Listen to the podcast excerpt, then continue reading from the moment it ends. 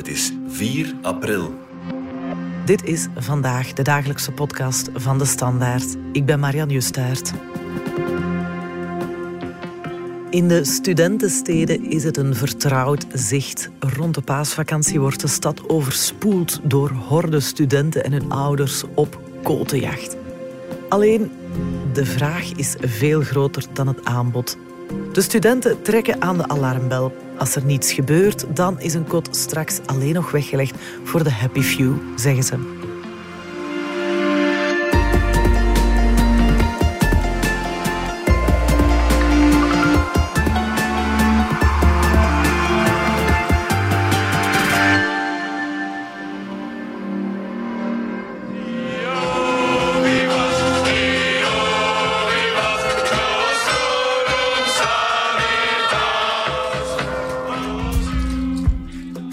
We nemen je mee in het studentenleven, want de studiejaren en op kot gaan is volgens velen de mooiste tijd van het leven.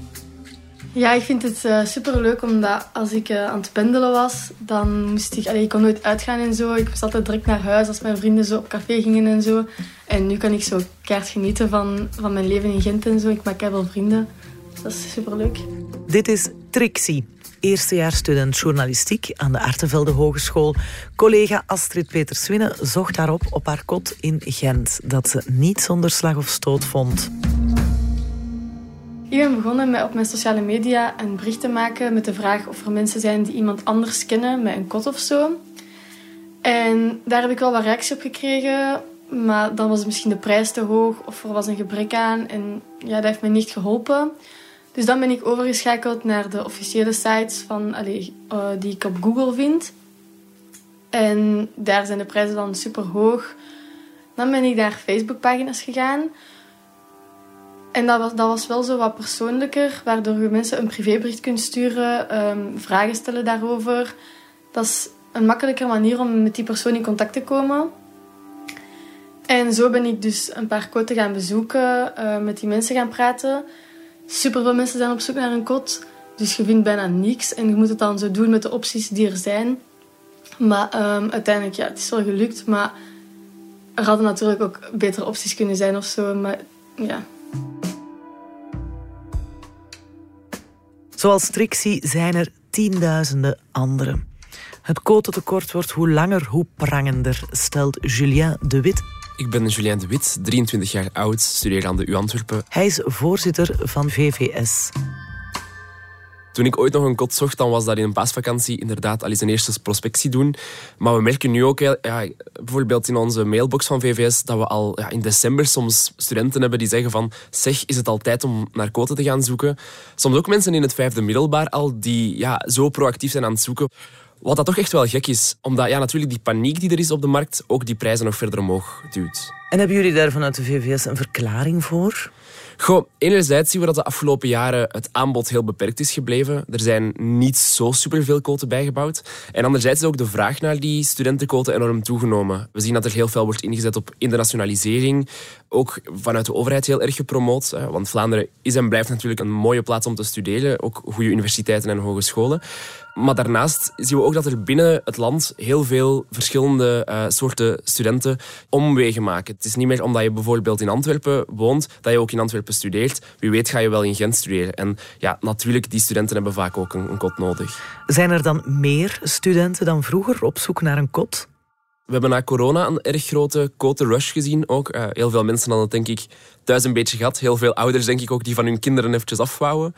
Maar daarnaast zien we gewoon ook ja, dat er cool veel meer studenten zijn. Eh, neem nu bijvoorbeeld Antwerpen, de Universiteit Antwerpen, waaraan ik zelf studeer. Ja, die groeit echt met rassenschreden. En al die studenten die moeten natuurlijk ook gehuisvest worden. Ook in Gent zijn er op 20 jaar tijd 34.000 studenten bijgekomen en slechts 3.800 koten, erkende koten weliswaar. Ja, kunnen we dan spreken over een kotencrisis of is dat overdreven? Ik denk wel dat we kunnen spreken van een kotencrisis. Als we kijken naar de artikelen die erover verschijnen, ehm, dan zien we eigenlijk de eerste artikelen van een ja, nakend quotetekort al opgetekend worden in 2008 zoiets. En jaar na jaar ja, worden het er meer, worden het ook ja, meer schrijnende situaties. Want we moeten ook heel goed pinpointen. Een kot is niet voor iedereen een luxe, want dat wordt wel heel vaak gezegd. Maar er zijn bijvoorbeeld ook studenten die het echt gewoon nodig hebben. Denk bijvoorbeeld aan studenten in een kwetsbare achtergrond die bijvoorbeeld ja, van thuis uit weg moeten, omdat ze bijvoorbeeld met drie broers en twee zussen op een appartement zitten. Dat is geen ideale manier van studeren zo. Denk ook bijvoorbeeld aan studenten die ja, hun droomrichting vinden ergens ver van huis. Bijvoorbeeld een student die ik sprak woont in Limburg, wil geloof iets grafische vormgeving-achtig gaan studeren aan de kust. Ja, ik kan moeilijk van die persoon verwachten dat hij elke dag vier, vijf uur gaat pendelen. Uh, dat is ook heel nefast voor het studierendement. We gaan er even uit voor een korte boodschap. Tradities en gewoontes, anders maar ook niet. Zolang dat je het maar viert met wie dat je garen ziet. Paasbrunch of iftar, chocolade eitjes. Taal in de promo, dus die heb ik op mijn lijstje. Van alles neem ik twee, noem en Noah met de erk. Van ons hier zalig Pasen. Ramadan Mubarak. Geniet van Pasen en Ramadan met het verrassend en divers assortiment van Albert Heijn. En kijk zeker ook naar de tweede aflevering op dewereldinhetklein.be. Dat is het lekkere van Albert Heijn.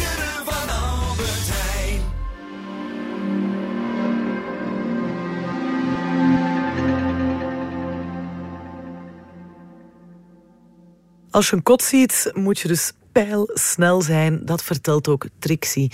Kieskeurig zijn is eigenlijk geen optie. Natuurlijk zou het leuk zijn uh, als je een eigen badkamer hebt. Ik denk dat iedereen dat sowieso wel leuk vindt. Maar een eigen badkamer doet de prijs echt als direct super hard omhoog gaan. Omdat ja, iedereen wil dat. Maar dat was voor mij niet per se een vereiste. Omdat ik nu op een kot zit met twee andere meisjes. En met drie delen vind ik op zich niet zo erg. Maar ik denk als je dan op een kot zit waar je met meer dan zeven of zo bent, dan had ik dat waarschijnlijk sowieso niet gepakt. Omdat zeven vind ik een beetje te veel. Maar een eigen badkamer is vaak niet het enige op het verlanglijstje dat onhaalbaar is. Ook qua locatie is er uh, niet altijd een keuze. Ja, ik zit natuurlijk niet super dicht bij mijn school. Ik moet een kwartier fietsen. En natuurlijk zijn er ook uh, superveel koten die gaan vrijkomen in de buurt van mijn, uh, van mijn school. Maar ja, dat was nu gewoon niet, niet, aan de orde, omdat dan, dan direct de prijs super hard oploopt. Omdat, dat is ook in het centrum en ik zit nu in de rand rond Gent, waardoor de prijs ook al direct wat lager ligt. Dus ja, als ik een kot had gevonden dat dichter bij het centrum lag, had ik dat waarschijnlijk wel gepakt in plaats van dit. En over welke prijs praten we eigenlijk? Schrik niet, vandaag betaal je in Gent gemiddeld ongeveer 485 euro per maand voor een kot. En dat terwijl we drie jaar geleden nog 365 euro betaalden voor datzelfde kot. Dus het verschil is 120 euro. Um, het kot waar ik nu in zit is 310. Um, met 20 euro erbij voor de wifi en dan maandelijks uh, de water en elektriciteit. Dus ongeveer 360, 370 per maand. Ja, als student, en als je dan moet werken en studeren combineren om iets te betalen, vind ik dat wel heftig. Ik vind dat studenten dat eigenlijk... Allee, dat is bijna onbetaalbaar geworden tegenwoordig.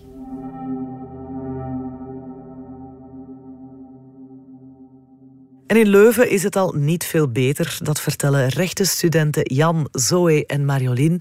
En ze worden bijgetreden door Maud, Ellen en Giselle. Ik ben Jan. Ik ben Zoe, student rechten. Ik ben Marilien, ik ben student in Leuven. Student in Leuven. In Leuven, allee, de prijzen voor de quotes zijn momenteel excessief hoog. Een vriendin van mij betaalt momenteel 600 euro voor 13 vierkante meter. Zonder badkamer en dus met gedeelde keuken en zo.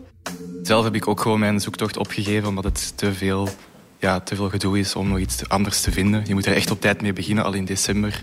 En dat was voor mij iets te vroeg. Het is wel ook 30 euro meer ten opzichte van vorig jaar, sowieso minstens. Bij mij was mijn kot bijvoorbeeld veel te hoog, maar wij zaten thuis ook met van, ja, we moeten, zo we moeten naar Leuven. Dus uiteindelijk hebben we dat ondertekend. En dit jaar was dat misschien moeten we kijken voor een nieuw kot. Maar we hebben het ook gelaten omdat je weet, ja, je kunt dat niet meer aan die prijs krijgen. Dus nu zit je voor drie jaar gewoon vast aan een ja, veel te hoge prijs. Veel vrienden van mij die nu 100 euro meer betalen dan wat ze initieel hebben voor getekend. Een vriendin van mij is naar Leuven gekomen en die stond in de rij en die zei van ja, ik ben gewoon zo hard beginnen wenen. En ik zei van ik wil niet meer naar Leuven komen, uh, want die moest dat, want die zat eigenlijk eerst in Antwerpen, maar de bio-ingenieurs moeten naar Leuven komen vanaf hun masterjaar. En die was echt van ik wil het niet, want ik vind geen kot. En allee, ik, mijn ouders kunnen dat gewoon niet betalen, um, maar ja, pendelen is ook super moeilijk. Ja, ik heb gehoord dat er een toekomstige student verschillende familieleden heeft uitgestuurd om samen op zoek te gaan naar een kot. Die hebben dan allemaal verschillende contracten getekend. Moeten zich daar ook waarschijnlijk allemaal ja, aan houden. Ik weet niet hoe die dat gaan oplossen. Maar ja, op die manier heeft een vriendin van mij wel al meegemaakt uh, dat ze naar Leuven wou komen en dat ze dan hier ging komen kijken. Maar ja, dat was er nog, nog een hele werf. En dan moest zij toen al tekenen voor een gebouw dat er nog niet stond. En heeft daar veel gezever aan gehad van die badkamer was niet in orde, want dat stond er nog niet. Dus ze konden met die plaatsbeschrijving, die ondertekent dat maar, maar dat gebouw stond er nog niet eens en zo. En zo ondertekenen mensen eigenlijk documenten dat ze totaal niet weten wat er gaat komen. En die zekerheid is er gewoon totaal niet. Maar ze ondertekenen dan dat er niks anders is. Ja, maar dat je zegt van het nog niet gezien hebben, dat was bij mij toen ik zocht ook ik was dus binnen als eerste, omdat je er als eerste stond. En ondertussen, ik kom dan beneden. Ah ja, ze hebben gebeld dat zij het kot nemen. Van mensen die gewoon in de reis stonden, die hadden dat niet gezien. Julia de Wit van de VVS kan het alleen maar bevestigen.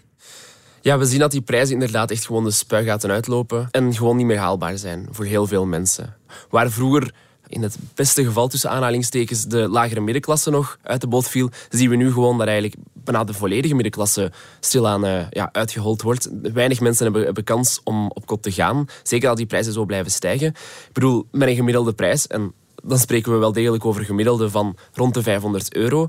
Ja, ik ken niet superveel mensen die dat zomaar kunnen missen elke maand. Of het moet in ieder geval toch echt wel ja, pijn doen. In Brussel bijvoorbeeld, eh, en dat is al twee jaar geleden, uh, hoorde ik dat er ongeveer een kwart van de quote aan 800 euro of meer wordt verhuurd. Ja, dat zijn geen quoten meer, dat zijn appartementen, bij wijze van spreken. Dat is ook een, een probleem dat we zien. We zien dat er vanuit ontwikkelaars heel veel wordt ingezet op de zogenaamde luxe quoten. Quoten met een pooltafel, een leuke keuken, een, een living, alles wat je wilt. Maar daarnaast zijn er ook heel wat studenten die gewoon zeggen van kijk, voor mij een kot moet gewoon een kamer zijn met een bed, een stoel en een tafel. En voor de rest ben ik oké met gedeeld sanitair. En we zien dat die ook stilaan uit de markt worden geduwd. Wat dan natuurlijk ja, de allerkwetsbaarste studenten het hardste treft. Studenten gaan dus meer en meer ook op zoek in de particuliere markt, zoals Strixie dat ook eerst gedaan heeft. Ze zoeken dan een huisgenoot met de bedoeling om te gaan co-housen. Ik ben vaak zo gaan zoeken naar co-housing, dus met twee of drie mensen samenwonen in plaats van met zeven of negen mensen in zo'n heel gebouw. Waardoor het vaak die mensen zijn die iemand kiezen om bij hun te gaan wonen. Maar een echte oplossing is dat natuurlijk niet, zeggen de betrokkenen. Het probleem verschuift alleen maar. Ja, we zien dat die particuliere markt heel veel wordt betreden door, door studenten. Um, iets wat de steden natuurlijk niet zo graag zien gebeuren. Want ja, dat zet natuurlijk ook een druk op de, de huizenprijzen voor de gezinnen. Zorgt er ook voor dat er ja, minder woningen zijn voor gezinnen. Dus een beetje vloeken in de kerk van de steden. Anderzijds, ja, studenten hebben vaak ook geen keuze. We zien dat er in heel wat steden um, ook wel ja, heel voorzichtig wordt omgegaan met hoe studenten worden gehuisvest en hoeveel. Denk in Antwerpen bijvoorbeeld, daar is een quote stop geweest. Is er nog altijd. Er mag bijvoorbeeld binnen bepaalde wijken niet meer aan studentenhuisvesting extra worden gecreëerd. Ja, dat zijn natuurlijk dingen die de druk op de markt nog verhogen en dan zeggen van de woningmarkt, het mag eigenlijk niet. Ja, dat is natuurlijk ook geen oplossing. De stad Gent komt daarom met een actieplan en zij denken dan bijvoorbeeld aan projectontwikkelaars die nieuwe koten moeten bouwen of misschien de terugkeer van de kotmadam. Nu, Julia de Wit, ook andere steden zitten niet stil. Ja, ik weet dat er heel wat steden sowieso in nauw overleg zijn met de universiteiten, met de hogescholen. Dat er wel heel wat structureel overleg is opgestart. Daarnaast zitten we ook vaak met een beleid dat um, ja, ook vaak zegt van de vrije markt zal het oplossen. Wat gedeeltelijk waarschijnlijk ook wel waar zal zijn het is nog altijd een aantrekkelijke markt om in te gaan investeren. Maar wanneer ik dan bijvoorbeeld een aantal eh, mensen van een verhuurdersfederatie heb gehoord, ja, dan zeiden die van ja, het beste voor ouders zal nog altijd zijn om gewoon een kot te kopen en dat dan aan de kinderen door te geven. Nu, dat is wel gekeken naar de realiteit met een enorme middenklassebril. Uh, want ik ken heel weinig mensen die dat zomaar kunnen neertellen. Dus ja, dat is sowieso geen oplossing terugkomend op die actieplannen dan. Steden willen wel doen hier en daar aan wat grotere ontwikkelingsprojecten, maar ja, de plaats is ook beperkt. En zo zien we dat er heel wat steden ook en universiteiten zitten uit te wijken naar andere regio's. Uh, denk bijvoorbeeld Brugge, waar er ook al wordt gekeken naar quoten. Dus er wordt wel gezocht naar oplossingen, maar ja, de zaligmakende oplossingen die zijn momenteel nog niet echt in zicht. De verantwoordelijkheid ligt volgens jou niet alleen bij de steden, maar ook de universiteiten moeten beter hun best doen, eh, zeg je. Ja, moeten zij dan eh, meer inzetten op quoten die verhuurd worden aan een sociaal tarief? Of zijn er andere oplossingen, Julia? Meer quoten aan sociaal tarief verhuren vanwege de universiteiten. Dat is fantastisch. En ik zou er de eerste zijn om daarvoor te pleiten. Maar we merken dat dat gewoon budgetair niet haalbaar is. Daar moet ik zo gewoon echt gelijk geven. Er is een Stuvo-enveloppe. Dat is eigenlijk een enveloppe met geld die vanuit de minister wordt gegeven aan alle hoger onderwijsinstellingen. En daarin zit een bepaald bedrag. je hebt dan binnen de instelling een soort van ja, vergadering die dan moet bepalen naar welke werkvelden dat allemaal wordt versluist. Nu, binnen die andere werkvelden zit ook psychologische ondersteuning, studietrajectbegeleiding, noem het op, gezonde maaltijden op de campus. En al dat geld moet dus verdeeld worden over enorm veel postjes. En dan is huisvesting natuurlijk één van die extreem belangrijke posten. En ja, we weten allemaal, met de huidige energiecrisis, met het feit dat die enveloppe amper is geïndexeerd, met het feit dat universiteiten schreven om hulp wat betreft de budgettaire situatie, ja, we moeten er geen tekening bij maken. Meer quoten vanuit de instellingen, dat is op korte termijn niet haalbaar. Je hebt het al even aangehaald, Julien. Ook andere centrumsteden die geen eigen universiteit hebben, willen best hun steentje bijdragen. Mechelen wil in de bres springen voor Antwerpse studenten. En ook Tiene biedt aan om Leuvense studenten te huisvesten. En dat laatste was voor de ploeg van de ideale wereld genoeg om er een satirisch filmpje over te maken. Ik krijg 150 euro per week als ik die nerd hier binnenhaal en doe alsof dat hier Leuven is. Dus ja, dat is makkelijk verdiend. En blijf toch ook liever binnen, want ja, dat is Tine. Ja, nu, Tine meende het wel serieus. Zien jullie heil in die oplossing bij de VVS? Ik denk dat een spreiding van studenten sowieso op korte termijn een belangrijk deel van de oplossing uitmaakt. We hebben daar ook over samengezeten met minister van Binnenlands Bestuur eh, Bart Somers. Hij heeft ook gezegd van ja, we moeten echt inderdaad die verschillende steden wel eens samenbrengen om te kijken hoe we dat kunnen matchen. Uh, want bijvoorbeeld, ja, als je in Antwerpen studeert, kan je evengoed in Berchem op kot of zo.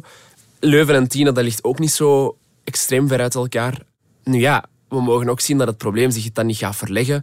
En dat we wel werken aan een structurele oplossing. En dat is nog altijd meer aanbod. En ja, ook voldoende basisaanbod. En wat vragen jullie van de VVS nu precies aan de overheid? Eerst en vooral vinden we het heel belangrijk dat er een tweeleding wordt gemaakt tussen de luxe kamers en de basiskamers. Zorg ervoor als instellingen, maar ook als overheid, dat er toch wel voldoende basiskamers zijn gegarandeerd. Probeer ook als overheid die spreiding wat te gaan coördineren. Kijk ook eens in uw eigen wetgeving wat kunnen we eventueel laten schrappen? Want vaak ja, zijn er wel een aantal normen die voor problemen zorgen, die ervoor zorgen dat mensen zeggen van als het zo zit, dan ga ik het maar niet verhuren. Eh, ik denk dat we daar ook zeker eens grondig moeten gaan evalueren. Nu, we pleiten ook voor grotere ontwikkelingsprojecten. In grote steden, zoals Sydney en Nice bijvoorbeeld, waar ook veel studenten zijn, gaan we eigenlijk naar een soort van Amerikaans campusmodel. Met een campus en daar rond heel wat studentenhuisvesting. Wel, dat lijkt ons nog niet zo'n supergek idee. Um, dat je zo van die zogenaamde student villages maakt. Natuurlijk steeds in overleg met de buurten, ja, zodat we daar geen, uh, geen problemen mee krijgen. En jullie hebben toch ook al overleg gepleegd rond leegstaande panden, hè? om die als kot in te richten? Ja, we hebben ook het voorstel gedaan aan minister Diependalen vorig jaar toen onze nota uitkwam om leegstand te gaan reactiveren. Want dat is nog een ander groot probleem uh, binnen de steden, binnen een aantal gemeenten ook. Heel wat leegstaande panden. Wel, die staan vaak drie tot vijf jaar leeg. Wat is de studiecarrière van een student? Drie tot vijf jaar. Dus we vragen daar kijk eens of dat ook gereactiveerd kan worden. Want ja, zo doen we eigenlijk de samenleving en de studenten een plezier. Nu, het zijn niet alleen de prijzen van de koten die gestegen zijn. Het leven in het algemeen is duurder geworden. Het inschrijvingsgeld aan de universiteiten ook. Hè? En dan hoor je ook nog directoren die zeggen van... misschien moeten we het inschrijvingsgeld toch eens met 400 euro gaan verhogen. Misschien moeten we er 1000 euro bovenop doen, zei de rector van de U Antwerpen.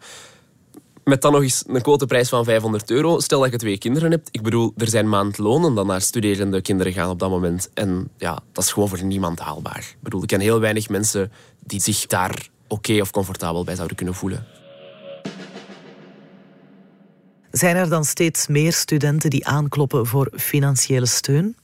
Ja, we merken, en dat zeker sinds de koopkrachtcrisis, dat er heel wat studenten financieel niet meer kunnen rondkomen. En we merken ook ja, dat dat een neerslag heeft in het aantal aanvragen dat gebeurt bij de sociale diensten van de universiteiten of hogescholen. 50 tot soms 100% meer aanvragen. En we zien niet alleen dat er meer aanvragen zijn, maar ook dat de aanvragen die gebeuren veel omvangrijker zijn. Waar een student vroeger laat ons zeggen, 200 euro extra nodig had om de kosten te dekken, heeft hij nu al gauw 500, 600 euro nodig. En dat is natuurlijk ja, een budgettaire aderlating voor de universiteiten en de hogescholen enerzijds, maar ook ja, voor die studenten een gigantische probleemsituatie. En een van de dingen die wij daar voorstellen, is bijvoorbeeld om ook eens kritisch te kijken naar het beurssysteem. Want we hebben het gevoel dat er toch wel een aantal mensen zijn die in aanmerking zouden moeten komen, die vandaag niet in aanmerking komen.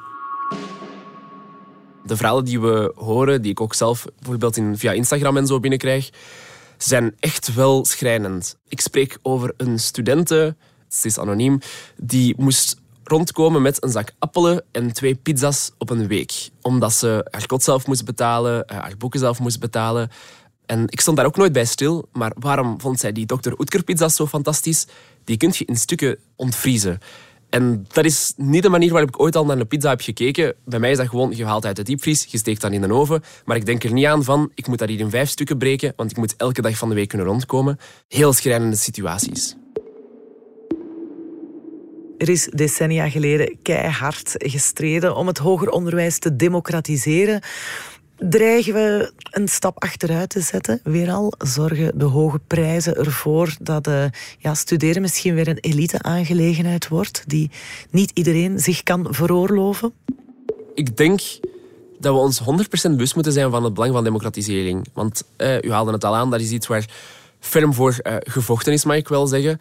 Maar we zijn het wel stilletjes aan aan het verliezen, denk ik, als ja, het studeren zo zo duur blijft worden. Um, er wordt heel vaak de vergelijking gemaakt met andere landen. Ik vind die vergelijking compleet onterecht. Want in België betaal je ook, in vergelijking met andere landen, veel meer belasting bijvoorbeeld. Belastingen die ook voor dat onderwijs dienen. En onderwijs, draai het of keer het hoe je wilt, is nog altijd de beste katalysator voor sociale mobiliteit. En ik denk ja, dat die democratisering, dat we die ten allen prijzen moeten gaan bewaken. En dat we daar ook kritisch moeten kijken naar de manier waarop we vandaag met ja, de meest kwetsbare studenten omgaan. Denk aan dat beurssysteem, denk aan de quoteprijzen. Want er zijn heel veel studenten, niet alleen in laat ons zeggen, armoedige klassen, maar ook in de lagere middenklasse die zeggen van help, ik kan dit niet aan. Ouders die dag in dag uit heel hard werken om hun kind naar de universiteit of hogeschool te zien gaan, die twee, drie jobs extra bijnemen, flexijobs, maar die zeggen van dit lukt mij niet en ik zie hier een, een kind dat zijn toekomst heel graag wil najagen, maar het eigenlijk budgetair niet kan. En dat is eigenlijk iets ja, wat dat verschrikkelijk is en wat we nooit mogen laten gebeuren.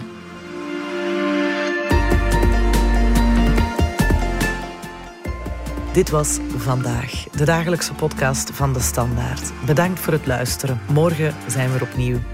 Alle credits van de podcast die je net hoorde vind je op standaard.be slash podcast. Reageren kan via podcast.standaard.be. Blijf nog even hangen, want ik heb nog een luistertip. Volgende week krijgt u iets bijzonders. We pakken dan hier bij DS Vandaag uit met een speciale reeks. Op het moment dat je die post krijgt van kijk, de advocaat is door uw examen geweest. Ja, ik, ik was heel verontwaardigd. Ik, ik werd boos. Dat je dan als leerkracht alsnog de schuld krijgt eigenlijk. Hè, van het komt door u. Meer en meer leerlingen leggen zich niet neer bij hun examenresultaat en vechten het oordeel van hun leraren aan, al dan niet bijgestaan door een advocaat. De Raad van State heeft de beslissing van de beroepscommissie geschorst. En hierdoor mocht ik dan door naar het zesde jaar. En nu doe ik universiteit, dus het is mij gelukt.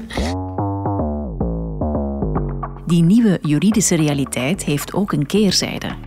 Ze drijft schooldirecties en leraren tot wanhoop. Dus onmiddellijk is de advocaat eh, meegekomen naar school. Een advocaat die ja, dan puur naar het juridische kijkt en weinig voeling heeft met een school. Ik ben Eva Droogmans en ik maakte voor De Standaard de vierdelige podcastreeks Leraar overmeesterd. Vanaf dinsdag 11 april hoort u elke dag een aflevering in DS Vandaag.